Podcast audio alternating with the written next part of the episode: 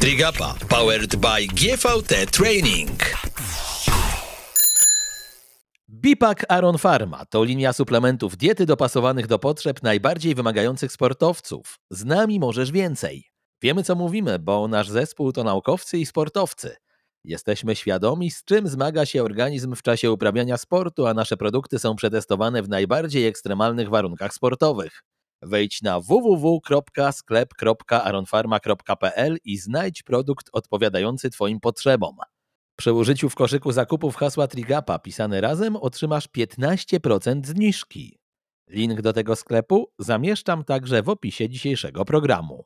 Kamil Gapiński, witam Was raz jeszcze bardzo gorąco w grudniu. Drugi program w tym miesiącu. Moim gościem dzisiaj nie będzie mężczyzna, jak to było tydzień temu. Tydzień temu Bartek Hoffman, a więc w przeszłości pięcioboista, a teraz triatlonista, chłopak, który uprawia ten sport po wylewie.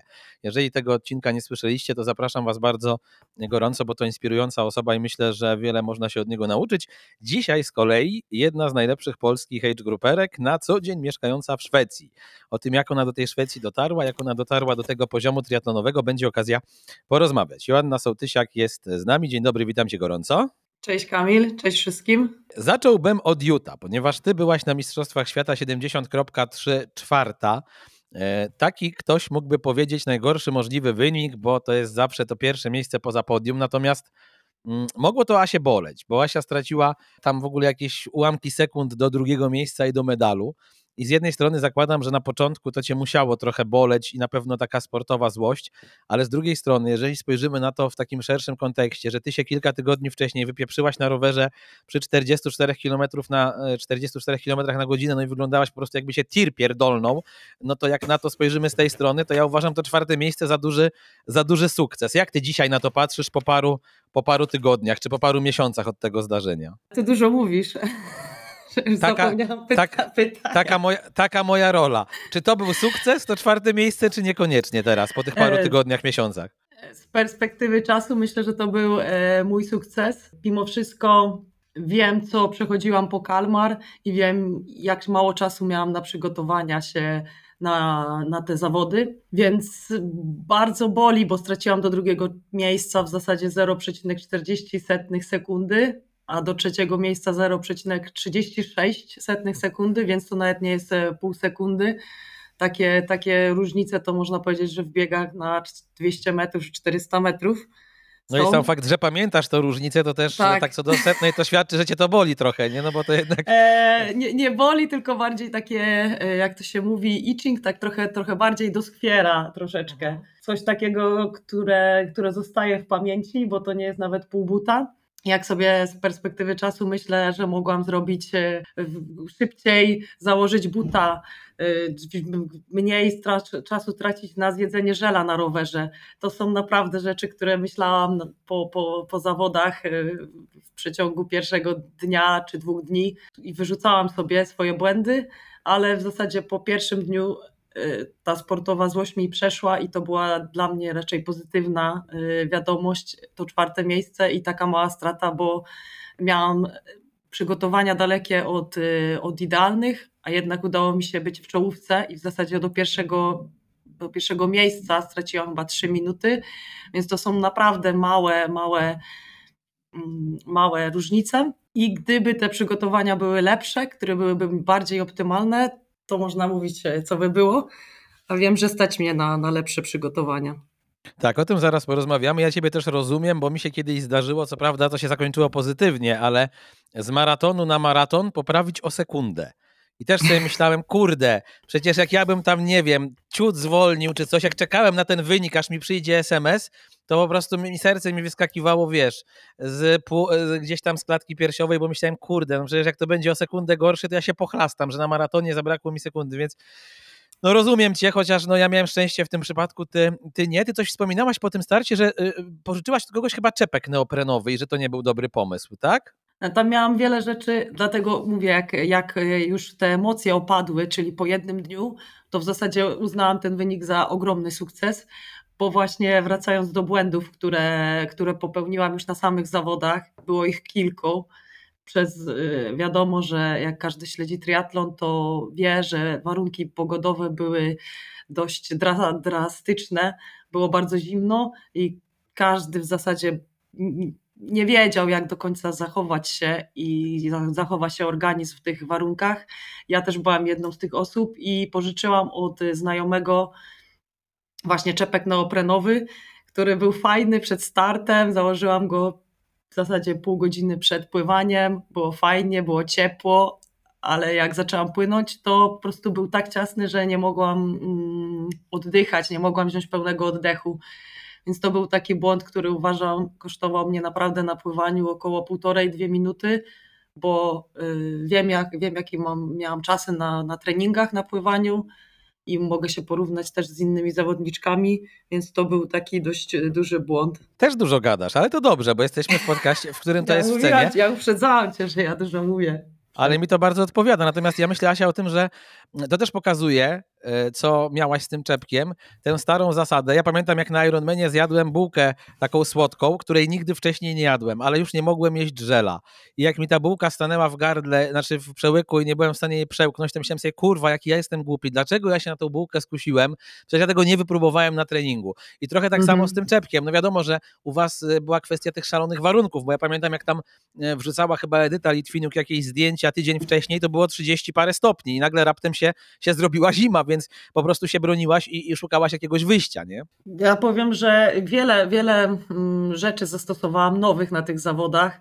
Na przykład y, ubrałam y, takie ochraniacze na, na buty kolarskie, takie ocieplacze, jak to się mówi, na, na noski, to się chyba tak nazywa u nas y, w Polsce ochraniacze, ocieplacze, więc to był naprawdę bardzo dobry wybór, bo nogi mi, stopy mi, nie było mi zimno w stopy, więc to był dobry, dobry wybór. Kolejnym dobrym wyborem było założenie właśnie folii, takiej emergency blanket, nie wiem jak to się nazywa, taka folia świecąca pod strój, która była też na, na całą, na, podczas etapu pływań, pływackiego i biegu i kolarskiego ją miałam i to był też pierwszy raz, co nie wiedziałam jak, się, jak, się, jak, to, jak to w ogóle się sprawdzi, ale sprawdziło się super.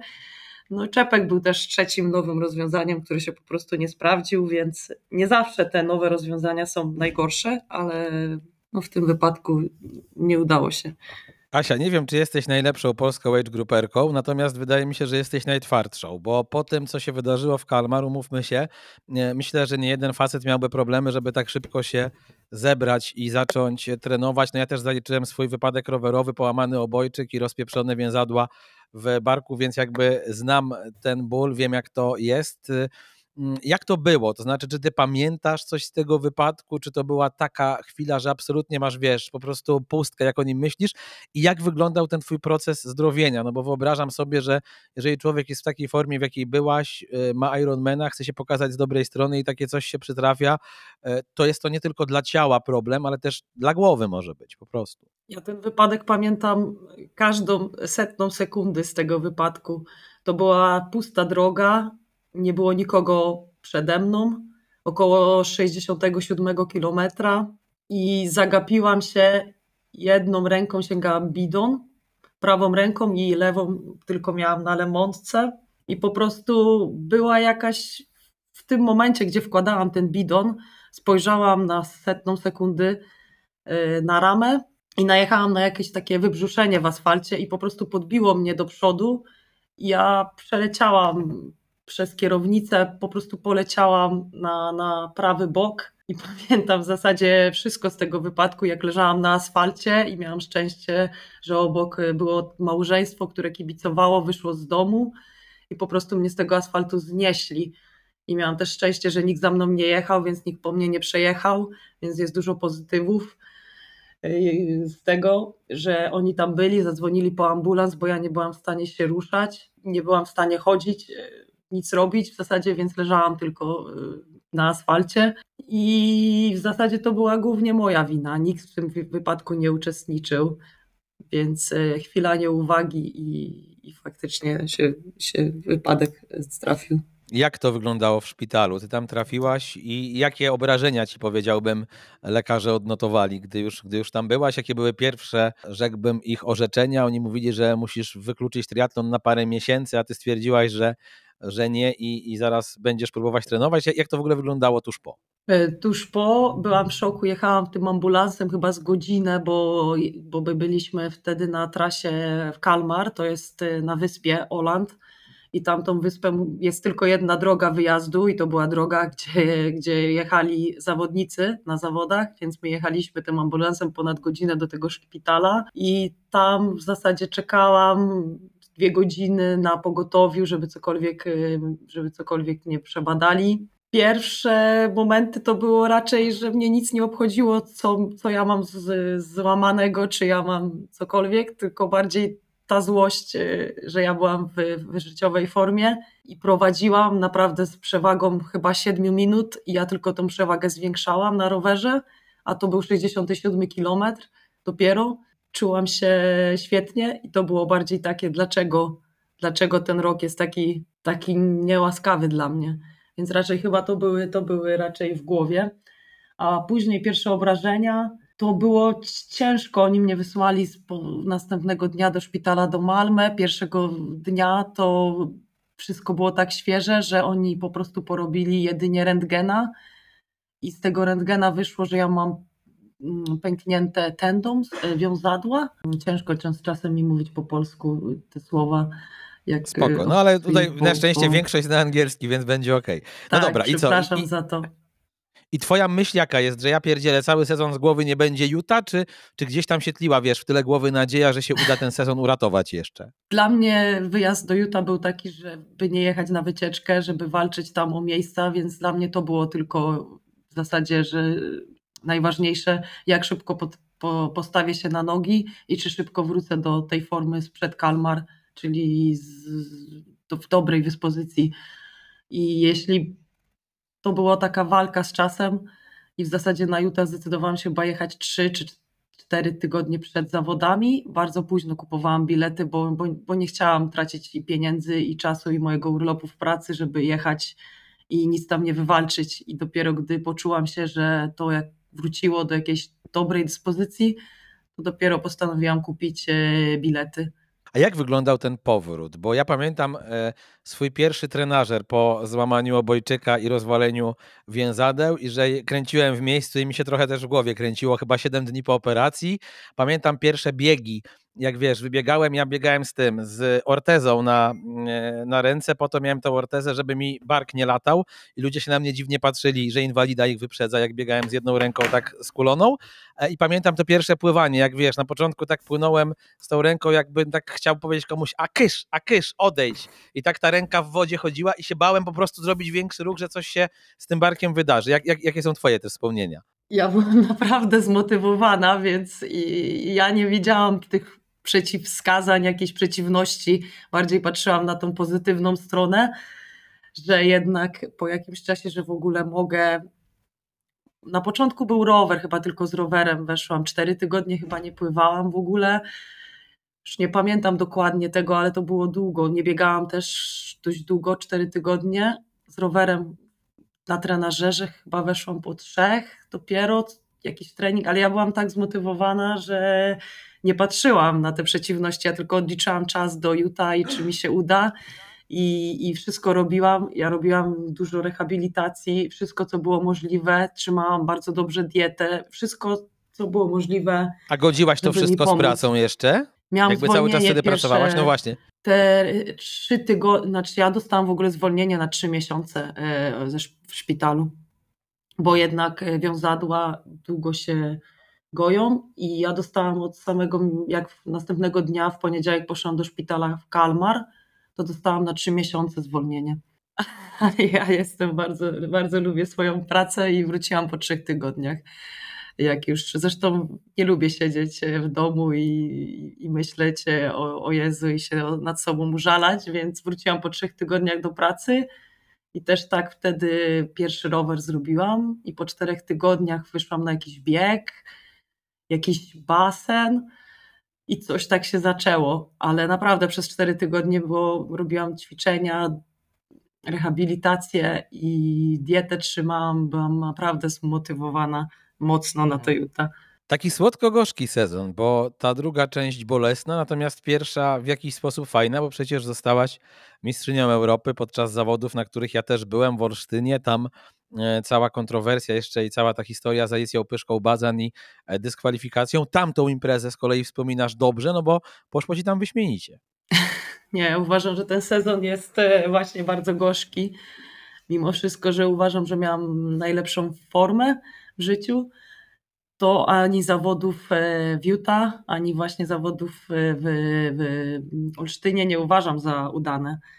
Olsztyn. Ty, no, ale tam wy, wygrałaś tam, a cztery razy się zgubiłaś na pływaniu. Halo, tak z tego co pamiętam, jak czytałem. No i właśnie dlatego, bo to jest tak, że ja, ja, nie powiem, ale dobrze, naprawdę bardzo dobrze pływam i poprawiłam to pływanie jeszcze, a nie potrafiłam tego pokazać na żadnych zawodach. I w Olsztynie powinnam z treningu popłynąć, to też dużo lepiej. I też dlatego to uważam, że nie były takie udane zawody do końca. Ja jestem zadowolona z, z wyniku, z rezultatu, z miejsca, bo po to pojechałam tam, żeby, żeby wygrać, ale jednak e, mam trochę sobie do zarzucenia na tych zawodach. A jak patrzysz na polskie dziewczyny, które są na podobnym poziomie jak ty, no plus minus, nie? Czyli właśnie e, Magda Lenz, Alicja Pyszka-Bazan czy Ania Lechowicz. No wiadomo, że Magda pozamiatała na Hawajach, no bo jednak zdobyć Mistrzostwo Świata e, tam w tej metce triatlonu na tym najważniejszym z dystansów dla wielu, czyli na Ironmanie to jest coś, to ty się postrzegasz, jakby masz w głowie taki, wiesz, wewnętrzny ranking polskich age grouperek i myślisz sobie, aha, ta jest jeszcze ode mnie lepsza, ale muszę trochę zrobić, żeby ją dogonić, ta jest gorsza, czy, czy tak w ogóle na to nie patrzysz? Jednak wiesz, jesteś osobą, która lubi rywalizować, więc się zastanawiam, jak to, jak to u ciebie wygląda. Ja lubię rywalizować, to prawda, ale nie patrzę, nie śledzę tak mocno social media, nie patrzę na, na Oczywiście śledzę wyniki z zawodów, ale nie porównuję się do, do dziewczyn. Osobiście mam ambicje, żeby jechać na zawody światowe i je wygrać. Więc jeśli mam porównywać się z polskimi zawodniczkami i myśleć, że one są ode mnie lepsze, to, to w ogóle nie powinnam jechać na zawody światowe, bo ja chcę wygrywać na świecie, więc w Polsce muszę też wygrywać. A poza tym każda dziewczyna ma, poza tym, że jest trening, każda z nas ma inne jakby życie poza treningiem, więc y, wiem, że niektórzy mają może lepsze, gorsze możliwości zawodowe, które powodują, że trening jest trochę może łatwiejszy, regeneracja jest y, lepsza i ja jestem bardzo zadowolona z tego, ile pracuję zawodowo i z wyników, które osiągam. No właśnie, Więc... wy musicie, y, musicie wiedzieć, taka powiedziałbym kuchnia tutaj, że ciężko nam się było na tą rozmowę umówić, bo cały czas praca, a to moja, a to Asi. I ja widzę, że ty pracujesz bardzo dużo i jestem ciekaw, jak ty to właśnie wiesz, z tymi treningami godzisz, no bo to jednak umówmy się, nie jest praca za komputerem, że jesteś online i możesz tam na godzinkę wyjść sobie pobiegać i wracasz przed komputer. Znaczy ja w ogóle nie mogę pracować właśnie z domu, więc to nie wchodzi w grę. Jestem na budowie i przeważnie pracuję po 10 godzin dziennie albo więcej. Wczoraj na przykład to było 13 godzin, zależy co się na budowie stanie. Więc y, wiem, że to wszystko wpływa na trening, na regenerację, stres. I ja widzę, jak na przykład sama po sobie jadę na obóz, gdzie na przykład dwa tygodnie nic nie robię, znaczy się poza treningiem, czyli nie, że nic nie robię, tylko trenuję trzy razy dziennie, ale nie pracuję. I stres zawodowy mocno wpływa na, na trening więc jeśli trening nie jest tak, nie może być tak efektywny przez stres, no to momentalnie te wyniki też nie mogą iść tak mocno do przodu. Więc y, ja jestem zadowolona właśnie z tego, porównując ile pracuję i jaką, jaką pracę wykonuję. Czyli to jest praca, gdzie muszę też fizycznie trochę pochodzić po budowie, trochę się zmęczyć w kasku, w butach bo ty jesteś odpowiedzialna za odcinek robót podwodnych, czy już nie jesteś za to odpowiedzialna? Bo w jednym z wywiadów tak. W jednym z wywiadów tak przeczytałem. Tak jakby powiedz, co jest twoją teraz, jakby, co jest twoim zadaniem na tej budowie? No bo żebyście wiedzieli, to nie jest tak, że ona tam biega jako robotnik z taczkami, tylko ma poważniejsze zadania. E, Asi. Właśnie muszę, muszę poprawić właśnie na początku powiedzieć, że ja w Szwecji mieszkam, teraz już mieszkam w Danii od ponad roku, półtora o, roku. Nie wiem, rok, cztery miesiące chyba tak, od, od września zeszłego roku. E, więc w Szwecji mieszkałam 10 lat, 9 lat, 10 lat i teraz już od ponad roku w Danii. I tutaj budujemy tunel, e, najdłuższy tunel zatapialny pomiędzy Danią a Niemcami. Jestem odpowiedzialna za jedną fabrykę, która będzie robiła elementy, które będą zatapiane na dnie morza. Więc aktualnie mamy 230 pracowników fizycznych w mojej sekcji i dziewięciu, dziewięciu inżynierów, więc y, to jest cała, cała taka mała budowa w budowie. A ty przeniosłaś się do tej Danii jakby za pracą, bo właśnie dostałaś fajną ofertę, żeby robić to, co teraz robisz? Czy bardziej to była kwestia tego, że mieszkałaś w tej Szwecji prawie dekadę i uznałaś, że potrzebujesz zmiany? Nie, bardziej za pracą. Ja się w Szwecji mieszkając 10 lat przeprowadzałam 4-5 razy chyba. Tam, gdzie była budowa. Więc to jest takie, to, to jest trochę taki zawód właśnie, że gdzie jest budowa, to tam nas wysyłają, więc ja miałam cztery budowy w Szwecji i przeprowadzałam się pięć razy, więc dla mnie to było bez różnicy, czy ja będę w Danii, czy w Szwecji i tutaj ten, ta budowa mnie fascynowała, już czytałam od niej od kilku lat. To jest projekt y, w zasadzie jeden z największych na świecie i byłam zafascynowana tą technologią. Zresztą w ogóle bardzo podoba mi się budowa tuneli, to jest moja pasja i różne są techniki budowy tuneli i metodą, metoda właśnie zatapialnych elementów to jest jeszcze budowa, metoda, którą ja nie budowałam tuneli, więc bardzo, bardzo mnie to fascynowało. Nie no, brzmi Ale... to w ogóle bardzo, bardzo ciekawie. Kolejny inżynier, z którym rozmawiam, bo jedynym inżynierem, którego ja kojarzę z triatlonu, to jest Tomek Szala chyba. On skończył studia na Politechnice z tym, że on nie tunele, tylko coś innego. Już teraz nie powiem co, bo jestem o, e, tak. tumanistą. A więc jest ja się... Kacper Stępniak, jest inżynierem budownictwa A, okay. też, tak, i tam czasem mamy właśnie kontakt e, od czasu do czasu właśnie. Co, co tam u ciebie? Jaki tunel ostatnio zatopiłeś? A, wiesz, tak, ja tam ten. trochę rozmawialiśmy właśnie tak, o różnych, tak. Dobra, mm, wracamy do naszej rozmowy. Joanna Sołtysiak jest dzisiaj moim gościem, a więc jedna z naszych najlepszych gruperek. Ja się zastanawiam, jak ty w ogóle tej Skandynawii trafiłaś? Czy to właśnie było za pracą? Uznałaś, że w Polsce, nie wiem, nie masz takich perspektyw? Czy, czy po prostu chciałaś jako, nie wiem, młoda dziewczyna przygody i posmakować innych kultur? Z czego wynika to, że ty już właśnie no, kilkanaście lat mieszkasz za granicą? Ja w czasie studiów pracowałam dla firmy Skanska, to jest właśnie szwedzka firma i chciałam zrobić e, po czwartym roku były przymusowe praktyki trzymiesięczne na budowie i chciałam je bardzo zrobić gdzieś za granicą i tutaj firma Skanska, gdzie już pracowałam podczas studiów, bo zaczęłam pracować tam na trzecim roku studiów, e, wyszła z propozycją, żeby, żeby wysłać mnie na budowę za, za, poza Polską i to miałam do wyboru właśnie budowę w Anglii, budowę w Norwegii albo w Szwecji i po prostu projekt Szwecji, czyli to była budowa tunelu metodą e, drążenia, czyli metodą taką tunnel boring machine, czyli to są wielkie takie te wiertnice, co u nas robiły na przykład metra też w Warszawie. I bardzo mi się to podobało, więc wybrałam po prostu budowę. I zamiast trzech miesięcy zostałam 10 lat, w skrócie mówiąc. Tak. To się trochę zasiedziałaś. A jak na to patrzy twój partner? No bo Dario jest Słoweńcem? Popraw mnie. Bośniakiem. Bośniakiem. Już ba... Ja gdzieś bałem się, że Słoweńcem, bo Słoweńcy nas we wszystkich e, sportach Słoweńcy to jest jeszcze okej. Okay. Le, że... leją, nas strasznie Słoweńcy. Bałem się, że nie jest Słoweńcem, ale to nawet lepiej, że jest Bośniakiem. Nie, nie, nie, e- bo, bo nie tylko nie mów, nie myl z, z Serbem, bo jak mieliśmy wesele, to ksiądz Aha. powiedział witamy wszystkich Serbów i Ojejku, wszyscy goście się obrazili prawie, wyszli z kościoła. O matko! Ja z kolei byłem chyba na, znaczy na pewno byłem na ślubie w Niemczech, gdzie było dużo Polaków i Bośniaków i właśnie Bośniacy mówili, że im się bardzo dobrze kojarzy chyba e, bodajże Tadeusz Mazowiecki, bo on mocno się przyczynił do tego, żeby Bośnia e, gdzieś tam swoją niepodległość wywalczyła w latach 90. z tego co kojarzę. No ale no nie o tym będziemy teraz o historii mówić i o Bałkanach, tylko zastanawiam się, czy to jest tak, że właśnie Dario cierpliwie za tobą się wszędzie przeprowadza, czy, czy przez to, że na przykład teraz przeszłaś ze Szwecji do Danii, to się musieliście rozdzielić? Jak, jak to jest? Czy on też jest inżynierem, czy jakoś w ogóle inaczej? Jak to u was wygląda? To się śmiejemy właśnie na, na weselu, jak były te nauki przedmałżeńskie, to się właśnie ksiądz pytał, czy mieszkamy razem, mówimy nie. I potem właśnie jak się ktoś nas pyta po weselu, jaki jest y, sekret na dobre małżeństwo, to właśnie, żeby się wyprowadzić od siebie. Do innego kraju. Tak, do innego kraju. Więc y, my na początku na początku się przeprowadził na pierwszą budowę, bo w ogóle jak się poznaliśmy, to ja pracowałam na pierwszym projekcie. Potem dostałam drugi projekt, przeniosłam się na południe, na same południe Szwecji. Tam też budowaliśmy tunel do, do przyspieszania właśnie elektronów. I tam się przeprowadził, ale już jak dostałam trzecią i czwartą budowę i teraz piątą, to już się nie chcę przeprowadzać, więc mieszkamy i nie mieszkamy razem ze sobą i widujemy się na weekendy. Jedynie. A powiedz, e, w jakiej on branży działa, jeżeli to nie jest tajemnica? On jest ekonomistą. Okej, okay, ale też z zacięciem triatlonowym, czy raczej jest takim po prostu nie, ekonomistą nie. dopingującym żonę? Jak to wygląda?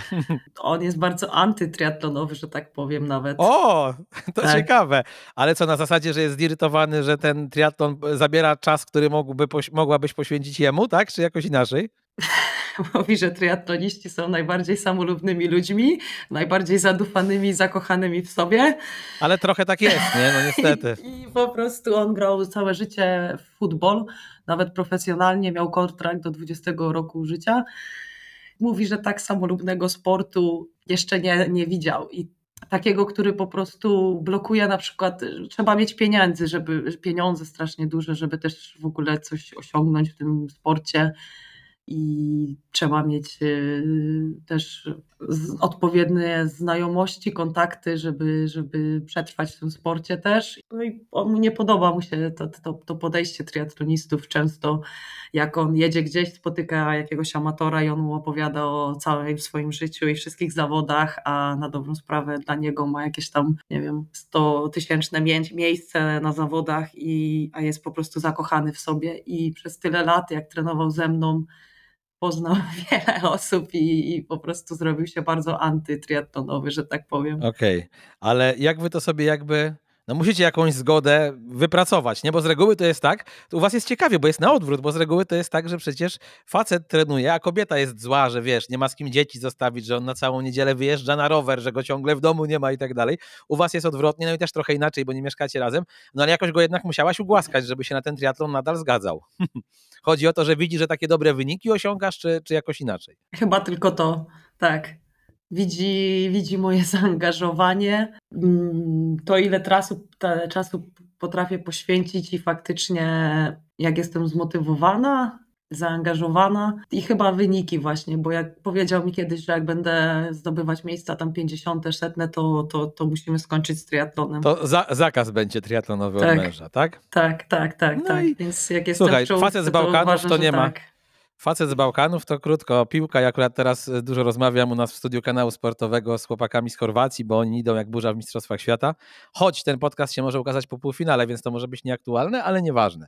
Dobra, a powiedz ale mi... Ale wszyscy trzymamy za nich kciuki właśnie, za Chorwatów. Tak? Czyli za Chorwatów tak. trzymamy, dobra. Tak, dobra, za okay. Chorwatów trzymamy, to tak, Chorwaci, Bośniacy to tak, razem są. Bipak Aron Pharma to linia suplementów diety dopasowanych do potrzeb najbardziej wymagających sportowców. Z nami możesz więcej.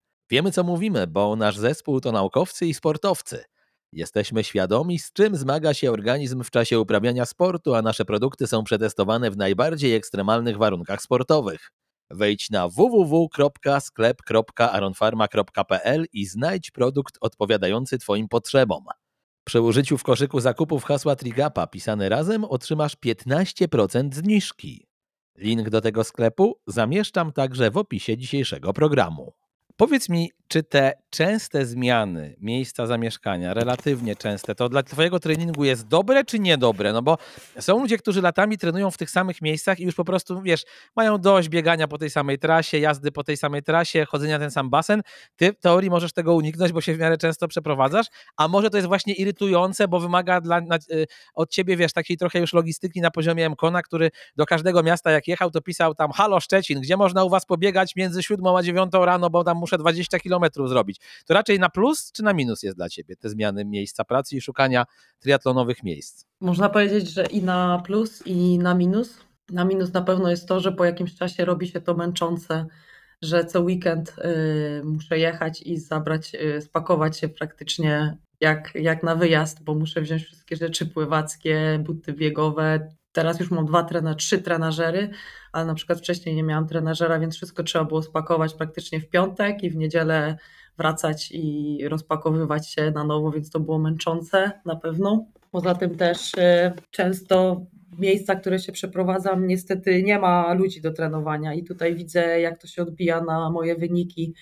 Jak na przykład byłam w miejscu, gdzie miałam zespół, y, gdzie miałam Takich sparring partnerów sparring po prostu, tak? partnerów, tak? tak, tak, tak, gdzie był nie zespół, tylko y, jak to się mówi, team, czyli mhm grupa taka, jakaś drużyn, taka drużyna, tak, drużyna grupa, no. grupa trenująca, tak, to widziałam, że też te moje wyniki y, były dużo lepsze, bo jednak grupa ciągnie. E, grupa wychodzi, to się z nimi wyjdzie, a często czasem można odpuścić samemu, więc tutaj to, to jest na minus. Tak jak na przykład teraz mieszkam, to nie mam żadnej osoby praktycznie do treningu, więc wszystkie treningi od ponad roku wykonuję sama. 99% trening, treningów, więc to jest y, na pewno na minus, bo ja jestem osobą, która lubi kontakt z ludźmi. Ja nie lubię treningu samotnego. Ja jak mam okazję, to zawsze wyjdę na każdy trening biegowy, pływacki, kolarski, obojętnie jaki, na siłownię.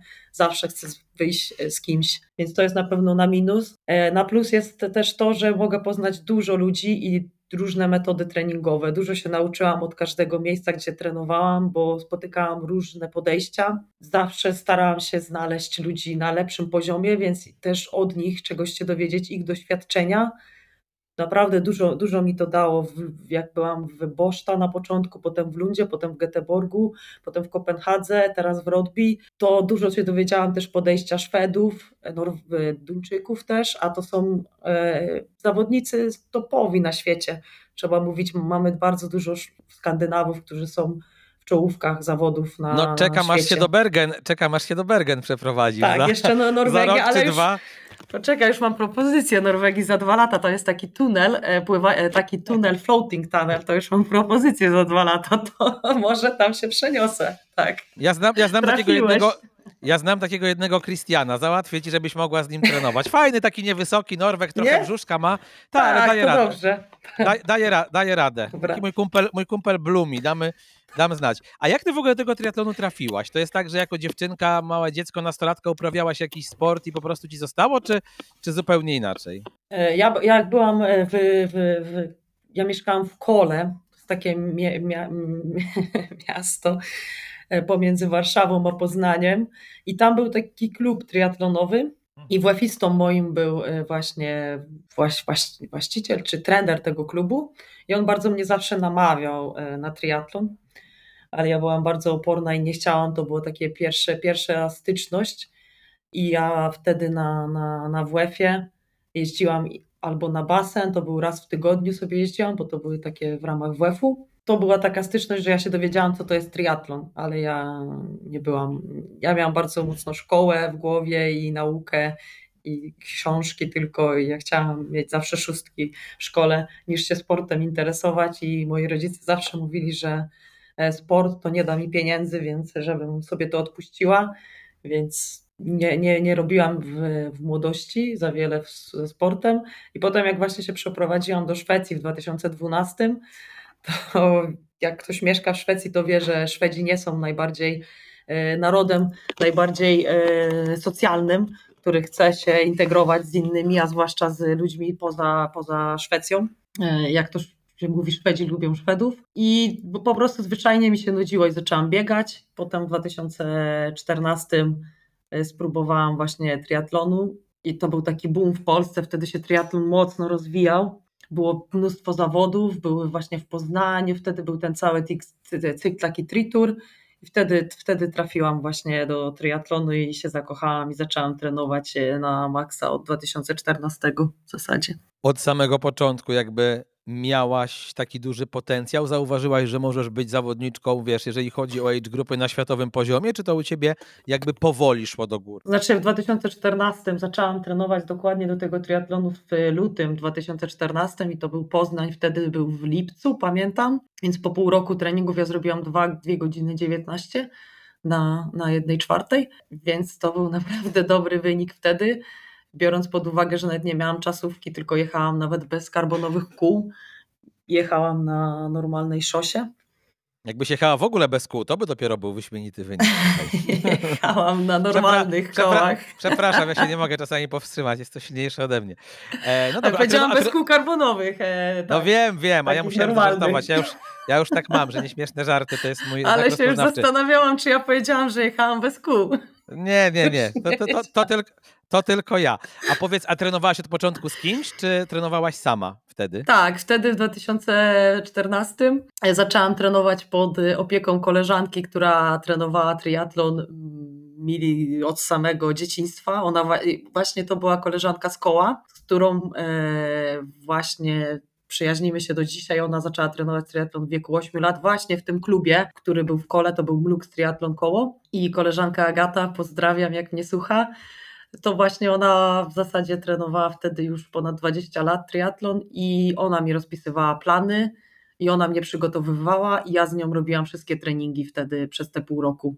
Chodziliśmy na wszystko i mnie uczyła i wydaje mi się, że to po prostu mi dużo, dużo dało. Od początku ta świadomość i rozpisywanie treningów, zadań na pływaniu, no to był taki, taki naprawdę, wydaje mi się, strzał w dziesiątkę.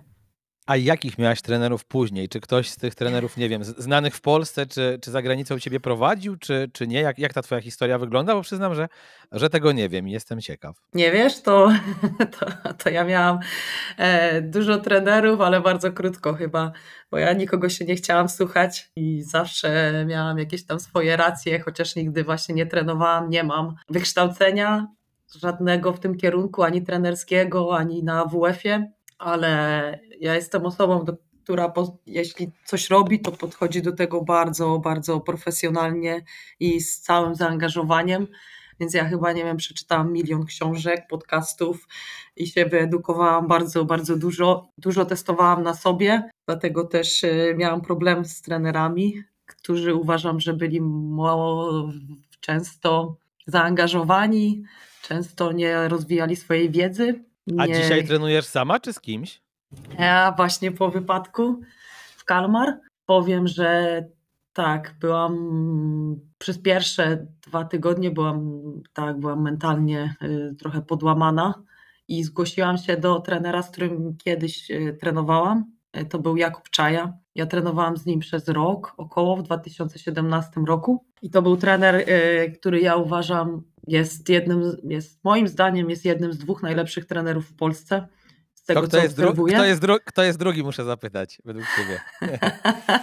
Paweł Barszowski, moim zdaniem.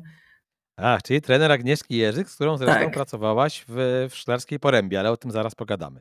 No dobra, tak. i teraz jesteś z Kubą, czy jesteś sama znowu? Jak to jest? E, teraz od sześciu tygodni mam tyle pracy po, po, po powrocie z Utah, że nie wykonałam ani jednego treningu jeszcze, więc Kuba nie ma, nie ma nic do roboty jeszcze i dopiero się zbieram do rozpoczęcia przygotowań, bo, bo musiałam dużo nadrobić przez to, że byłam, miałam właśnie wypadek, nie było mnie trzy tygodnie w sierpniu, potem nie było mnie przez przez to, że byłam dwa tygodnie w Utah i, i musiałam dużo nadrobić, więc teraz y, jestem na budowie cały czas. Czego nauczyłaś się Asia od Agnieszki Jerzyk? Bo wielu triatlonistów, a trenowałaś z nią w Szklarskiej Porębie z tego, co czytałem, e, wielu triatlonistów, triatlonistek właściwie traktuje jako taką trochę, wiesz, cioteczkę albo mamusię. E, te młodsze dziewczyny szczególnie mówią, że bardzo dużo się od Agi można nauczyć, że ona jest bardzo ciepła, bardzo serdeczna, bardzo fajna, chętnie dzieli się wiedzą. E, jak ten wasz pobyt wspólny w Szklarskiej Porębie wyglądał i co ci dał z perspektywy czasu? Ja od Agniesz od Agnie z Agnieszką to już pierwszy kontakt miałam w 2017 roku, więc ta nasza znajomość od tego, tego czasu się zaczęła. I na początku mogłam się dużo nauczyć właśnie od Agnieszki już samego treningu, jej podejścia, zawzięcia, takiego pazura. Ona jest strasznie waleczna i to mi bardzo w niej imponowało. I potem się nauczyłam też tego właśnie tej serdeczności, tej takiej, żeby nie było tej zawiści, bo często w kobietach y, jest czasem taka zazdrość, zawiść, mam wrażenie czasem. A o Agnieszki nigdy tego nie było. Ona była zawsze bardzo pomocna, otwarta, dzieliła się wiedzą, serdeczna i od niej się też tego nauczyłam, że na zawodach możemy być rywalkami, wtedy rywalizujemy, ale po zawodach jesteśmy możemy być przyjaciółmi, możemy być normalnie się kolegować i rozmawiać ze sobą i podać sobie rękę tej takiej zasady fair play na zawodach i po zawodach. I to było dla mnie niesamowite e, od niej się tego nauczyć, bo często doświadczałam negatywne, raczej często negatywne jakieś e, znaki od innych zawodniczek. A ty według ciebie, bo ja się spotkałem z opinią, że ty masz mocny charakter, czasami ciężki charakter. Ja na przykład przyznaję, że mam trudny charakter i mi się zdarza czasami komuś coś powiedzieć w twarz i to się różnie kończy, bo jedni doceniają, jak mówię, co o nich myślę, a inni niekoniecznie. E, ty też tak siebie postrzegasz jako osobę z trudnym charakterem? Chyba tak. Chyba nie będę się rozwijać, ale tak, raczej tak. No wiesz, są tacy, którzy uważają, że taki charakter jest potrzebny e, w sporcie. Mówiłaś, że twój e, mąż grał w piłkę, no to wiadomo, że w szatni musi być na przykład paru synów, bo jakby byli same grzeczne, by były same grzeczne chłopcy, no, sami grzeczni chłopcy, no to by nie wygrywali, prawda? Że to ten charakter w sporcie jest potrzebny, w sporcie indywidualnym też. No, mi się wydaje, że jak nie masz charakteru, e, no sami ministranci nie są najlepszymi triatlonistami, czy na przykład tenisistami, prawda? Ja jestem bardzo, ja mam taki trudny charakter, ale to też jest w związku z tym, że budowa mnie tego nauczyła. Ja pracuję, gdzie jest 98% e, facetów, kobiet y, są tylko w jakiejś administracji bardzo rzadko się zdarza, że na budowie, w, na, kierow, na, na stanowiskach kierowniczych zwłaszcza są kobiety. Jak idę na naradę, to jest 50 facetów często, albo 30, jestem ja jedyna, więc trzeba być mocnym charakterem już na budowie, więc to mnie od początku nauczyło.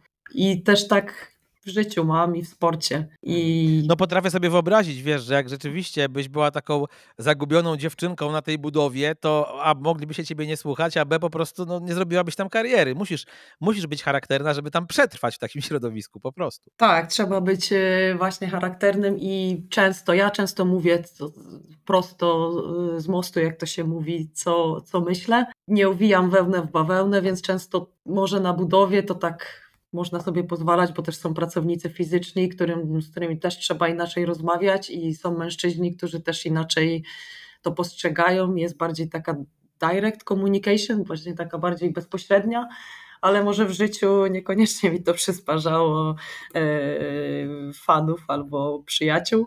E, a w sporcie wydaje mi się, że trzeba być takim. Trzeba być e, mocnym i, i dążyć do, do, do, do tego swojego celu jak, naj, jak najmocniej się chce, a jakby się było grzecznym i takim wszystkim przepuszczało na zawodach, to, to nie wiem, czy to jest tędy droga w sporcie. Asia, co ty uważasz po tych kilku latach, już ponad kilku uprawiania triatlonu za swój dzisiaj największy sukces? Coś taki, wiesz, swój numer, albo na przykład takie top 3 starty, że ty jesteś z nich na dzisiaj najbardziej dumna. Trzy starty to na pewno w 2017 e, Malbork, to były Mistrzostwa Polski, gdzie ja przyjechałam, to był mój chyba trzeci start na połówce w ogóle w życiu, albo drugi, nie wiem, nie pamiętam, ale nie miałam żadnej e, przesz przesz przeszłości takiej w długich dystansach i wtedy przyjechały zawodniczki. Dla mnie to były już trenujące triatlon wiele, raz, wiele lat i dla mnie to były takie moje, moje jak tak patrzyłam na nie, to to były dla mnie mentorki takie, takie mentorki, trochę? tak, tak takie, co, takie osoby, które patrzyłam, e, jakby, że ja jestem na dole, one są na górze z większym doświadczeniem i to była wtedy, pamiętam, e, właśnie Paulina Kotwica, Ewa Bóg, to, Ewa Komander, nie wiem, to było dużo, dużo zawodniczek takich dobrych. I po prostu ja wtedy wygrałam te, te Mistrzostwa Polski i to było dla mnie coś niesamowitego, bo jakby nikt na mnie nie stawiał. I przyjechałam, ja tam jeszcze byłam chora parę dni przed. I pamiętam wtedy właśnie, to był Jakub Czaja, który był moim trenerem i ja do dzisiaj pamiętam tą rozmowę, jaką on ze mną przeprowadzał dzień przed bo ja nie chciałam wtedy startować. On wtedy mi mówił, że w jakiej jestem formie, właśnie, że wtedy ta rozmowa była bardzo taka motywacyjna i pojechałam Direct na zawody communication, męska, męska była ta rozmowa.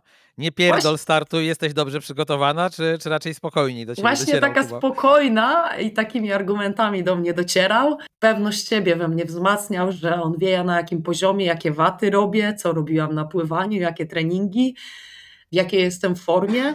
Jeśli wszystko dobrze wyjdzie, to jaki wynik osiągnę i faktycznie wtedy osiągnęłam bardzo dobry wynik. Pobiegłam świetnie, pojechałam, popłynęłam, w zasadzie wszystko się dobrze zgrało i przezwyciężyłam takie swoje e, mentalne bariery, bo ja na biegu zawsze po 15 kilometrze, przez to, że jednak ja nie jestem zawodnikiem, który robi dużo volume, objętości, tylko raczej bardziej przez to, że mam ograniczony czas, to jest bardziej intensywność, więc zawsze mi brakowało na tych zawodach po 15 kilometrze, ja tam umierałam, a tam jednak prze, przełamałam tą, tą barierę i pobiegłam do końca w super tempie i ja właśnie to pierwsze miejsce wywalczyłam chyba na 16 czy 17 kilometrze i wtedy miałam takie skrzydła do tej mety, że do dzisiaj to pamiętam. Jak biegałam no i fajny, i... fajny czas, 4.28.07, a kolejne dwa starty na myśl, o których się dzisiaj uśmiechasz? To na pewno Mistrzostwa Polski też 2000, ojene, to ja mam takie cztery chyba. To jeszcze też to dawaj. E, Weymouth, to pojechałam dwa tygodnie po Mistrzostwa Polski wtedy, w tym 2017 roku. I i to był mój pierwszy start w ogóle międzynarodowy, bo ja teraz mówię o startach w pro, bo ja startowałam wcześniej w pro. I pojechałam, to był pierwszy start y, międzynarodowy i tam była, pamiętam, taka dziewczyna, która miała piąte, szóste miejsce na Mistrzostwach Świata na Kona i ona była taką gwiazdą, ją reklamowali.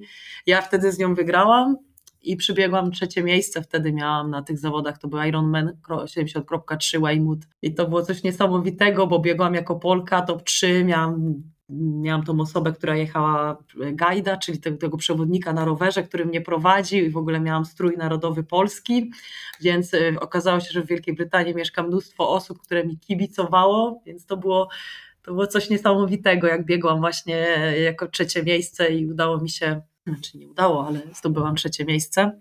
Tam chyba kiedyś wygrał też Michał Podsiadłowski, tak, nie? W tych tak, zawodach. Tak, więc... Michał Podsiadłowski. Pamiętam wtedy on mi skomentował, że ten Weymouth to takie szczęśliwe zawody dla Polaków, więc dla mnie to było duże przeżycie. Po pierwszy raz za granicą startowałam wtedy. I kolejne dwa starty?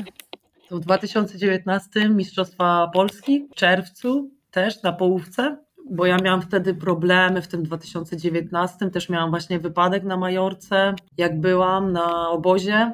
Nie szło mi wtedy na te przygotowania po, ty, po tym powrocie. Ja tam miałam dwa złamane żebra i po tych, po, po tych zawodach, po, w zasadzie te Mistrzostwa Polski były pierwszymi, pierwszym w ogóle startem w sezonie, więc to było dla mnie magiczne, że udało, że tam zdobyłam wynik 4,22 chyba na tej połówce i, i też wygrałam z zawodniczkami, które wydawało mi się, że z którymi nie wygram. I potem był kolejny start, to był wtedy w tym 2019, właśnie dwa tygodnie po tych Mistrzostwach Polski pojechałam na, pierwszą, na pierwszego Ironmana do Victoria Gasteiz do Hiszpanii. I tam zrobiłam wynik 9 godzin 19 i to był też y, dla mnie taki przełomowy start. Miałam czwarte miejsce w, w, w, w całej klasyfikacji kobiet pro. I też popełniłam mnóstwo błędów, jak to na debiucie, a zrobiłam wynik, uważam, bardzo dobry na moje przygotowania wtedy.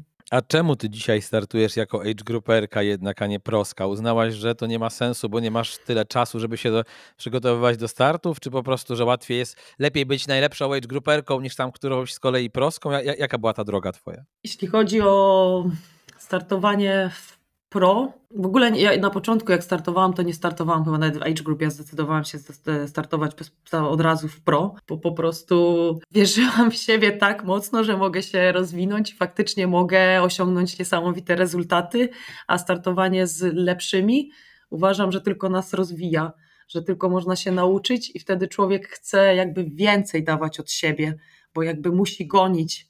Więc ja wiecznie chciałam coś więcej robić, więcej się uczyć, trenować, rozwijać, żeby dogonić e, światową czołówkę. Byłam też dużo młodsza, więc mocno wierzyłam w to, że nie miałam tego stażu treningowego, więc jeszcze wszystko jakby przede mną. Po jakimś czasie łączenie pracy, ja cały czas łączyłam pracę zawodową z triatlonem, powodowało, że jednak ten mój rozwój został w pewnym momencie, myślę, zablokowany przez właśnie brak możliwości regeneracji, brak możliwości dołożenia większej treningu, bo ja nigdy nie trenowałam dużo w objętości, a pewna objętość jest ważna w pewnym momencie, żeby zbudować i posunąć się do przodu jeszcze.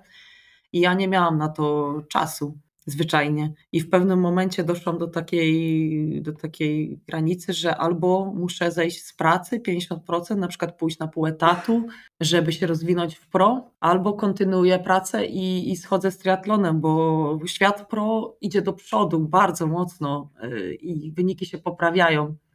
I ja, żeby poprawić swoje wyniki, musiałabym coś y, zmienić w swoim życiu, co by mi je popchnęło. I wierzę, że przejście na 50% etatu dałoby mi możliwość, e, duże możliwości rozwoju, które uważam, że mam jeszcze duży potencjał, ale nie wybrałam tej drogi. Wybrałam drogę raczej rozwoju zawodowego i, i wtedy przejścia do age group. A który ty jesteś rocznik, tak z ciekawości?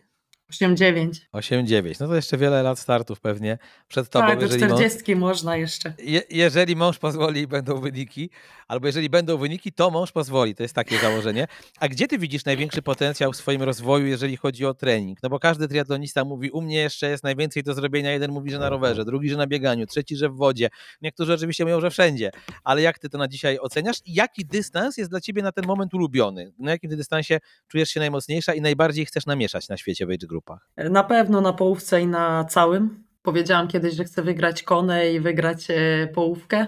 To takie moje, moje marzenie w Age Group i to będzie mój cel na pewno na kolejne lata. Nie wiem, kiedy to spełnię. Asia, powiem Ci tak, życzę Ci, żebyśmy widzieli taki pojedynek na kona Joanna Sołtysiak kontra Magda Lenz. Ja się naprawdę nie pogniewam, jakbyście zajęli pierwsze dwa miejsca. Spoko. Ale Magda Wiesz, przychodzi okay bo nie wiem, czy nie przychodzi na pro, więc e, nie wiem, czy, czy, czy się da. Ale, ale, wiesz, może być tak, że przejdzie, potem wróci, tak jak ty, to różnie bywa. No dobra.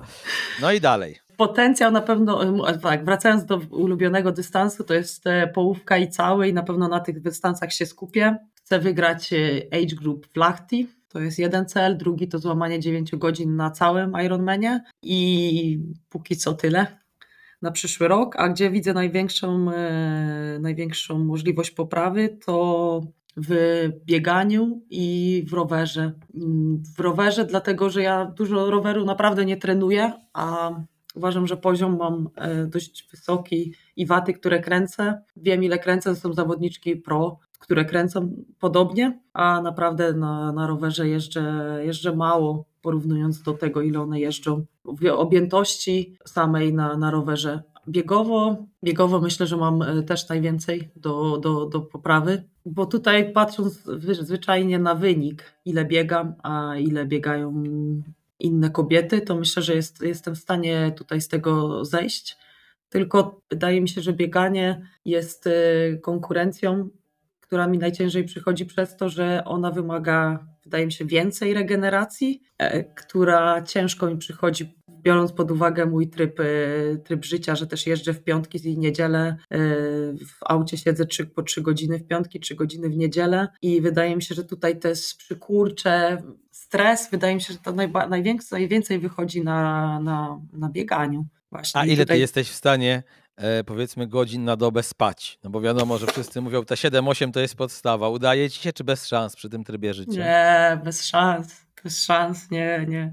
Nie, ja przeważnie wstaję 6.30 do 7.30 idę na pierwszy trening, potem jem, kąpię się, o 8.30 idę na budowę, o 18.30 kończę, wychodzę z budowy, idę od razu na trening, więc wracam około 20.00, kąpię się, jem, jest około 21.00 i idę spać około 23.00 i więc to jest mniej więcej tak to wygląda i to jest za mało, żeby się zregenerować i najbardziej te treningi obrywają właśnie na, na bieganiu. No to powiem Ci, że i tak jesteś zawzięta, że dajesz radę to robić e, w takim e, sznycie, bo to jest takie dosyć spartańskie życie. W sensie tylko jest czas na trening i jest tylko czas na pracę. No i tam weekendy na męża jeszcze, jak się uda. A e, masz na przykład taki plan, żeby, nie wiem, w dwa, bo wiadomo, że już jesteśmy u progu końca roku, więc ludzie lubią takie postanowienia noworoczne robić, triatloniści też ludzie. I masz na przykład taki cel, żeby, nie wiem, w 2023 udało mi się przez cały tydzień, znaczy trenować na przykład 12 godzin w tygodniu, albo 10 godzin w tygodniu, albo 16, żeby tam trochę trochę to poszło do góry, czy, czy nie? Czy to w ogóle jest realne? Nie, nie mam takich celów. Jeśli chodzi o cele, zawsze mam takie krótkotrwałe, czyli na, na dzień, że muszę sobie zrobić ten trening, jaki trening i długoterminowe, czyli jakieś cele e, startowe i długo, takie krótkoterminowe, czyli na przykład w przeciągu roku i długoterminowe w przeciągu pięciu lat i takie cele mam.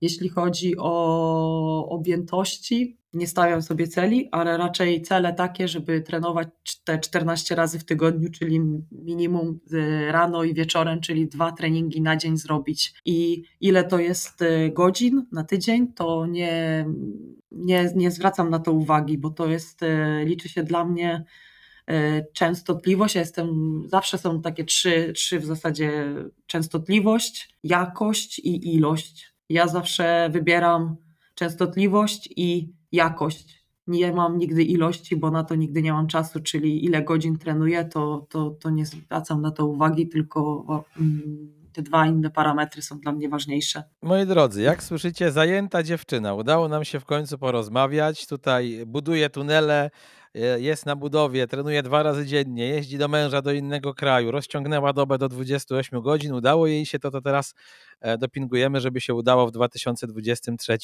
przede wszystkim zdrowo cały ten sezon e, gdzieś tam przetrwać, bo myślę, że jak będziesz zdrowa, to ty już sobie ze swoim charakterem oraz umiejętnościami w triatlonie, Asia, poradzisz. Dziękuję Ci bardzo za tę rozmowę. Szczęścia, no. jeszcze szczęścia, bo to zawsze... Szczęścia, zdrowia, tak, szczęścia, tak, pomyślności, szczęścia, tak po polsku. Tak, tak dokładnie, po polsku. tak. To tego Ci życzę i mam nadzieję, że ten rok 2023 byłby, e, nie miałby nic przeciwko temu, żeby był taką rywalizacją Lechowicz, Sołtysiak, Lęc, Pyszka Bazan, żebyście nam się cięły o sekundy i na przykład między, no pierwszym, fajnie, a czwar... fajnie, między fajnie. pierwszym a czwartym miejscem, ja żeby też taka, bardzo chciała, tak. Taka tak. mała różnica jak w Utah, to żeby też tak było, to tego Wam życzę i Tobie też. Ja, Dzięki Ci za to, że byłaś z nami. Ja to mogę jeszcze dodać, ja myślę sobie jasne, życzyła właśnie, żeby, żebyśmy mieli fajne takie zawody czasem, jak faceci przyjeżdżają, jest na przykład e, Kalaszczyński, Brembor, Bodnar, e, właśnie Kacper Stępniak, Szala, jest tam ich tylu i się wszyscy emocjonują, który wygra. I tak właśnie życzę sobie takich fajnych zawodów, gdzie by były właśnie wszystkie te zawodniczki,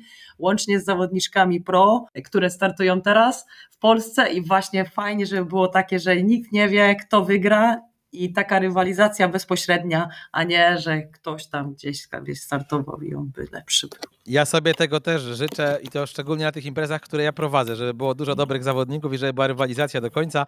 Asia Sołtysiak, dziękuję bardzo gorąco. Kamil Gapiński, to był kolejny odcinek programu Trigapa.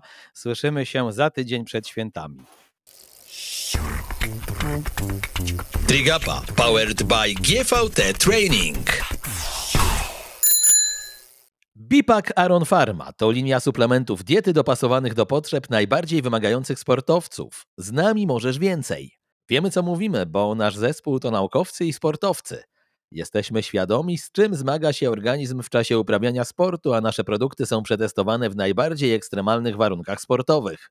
Wejdź na www.sklep.aronfarma.pl i znajdź produkt odpowiadający Twoim potrzebom. Przy użyciu w koszyku zakupów hasła Trigapa pisane razem otrzymasz 15% zniżki. Link do tego sklepu zamieszczam także w opisie dzisiejszego programu.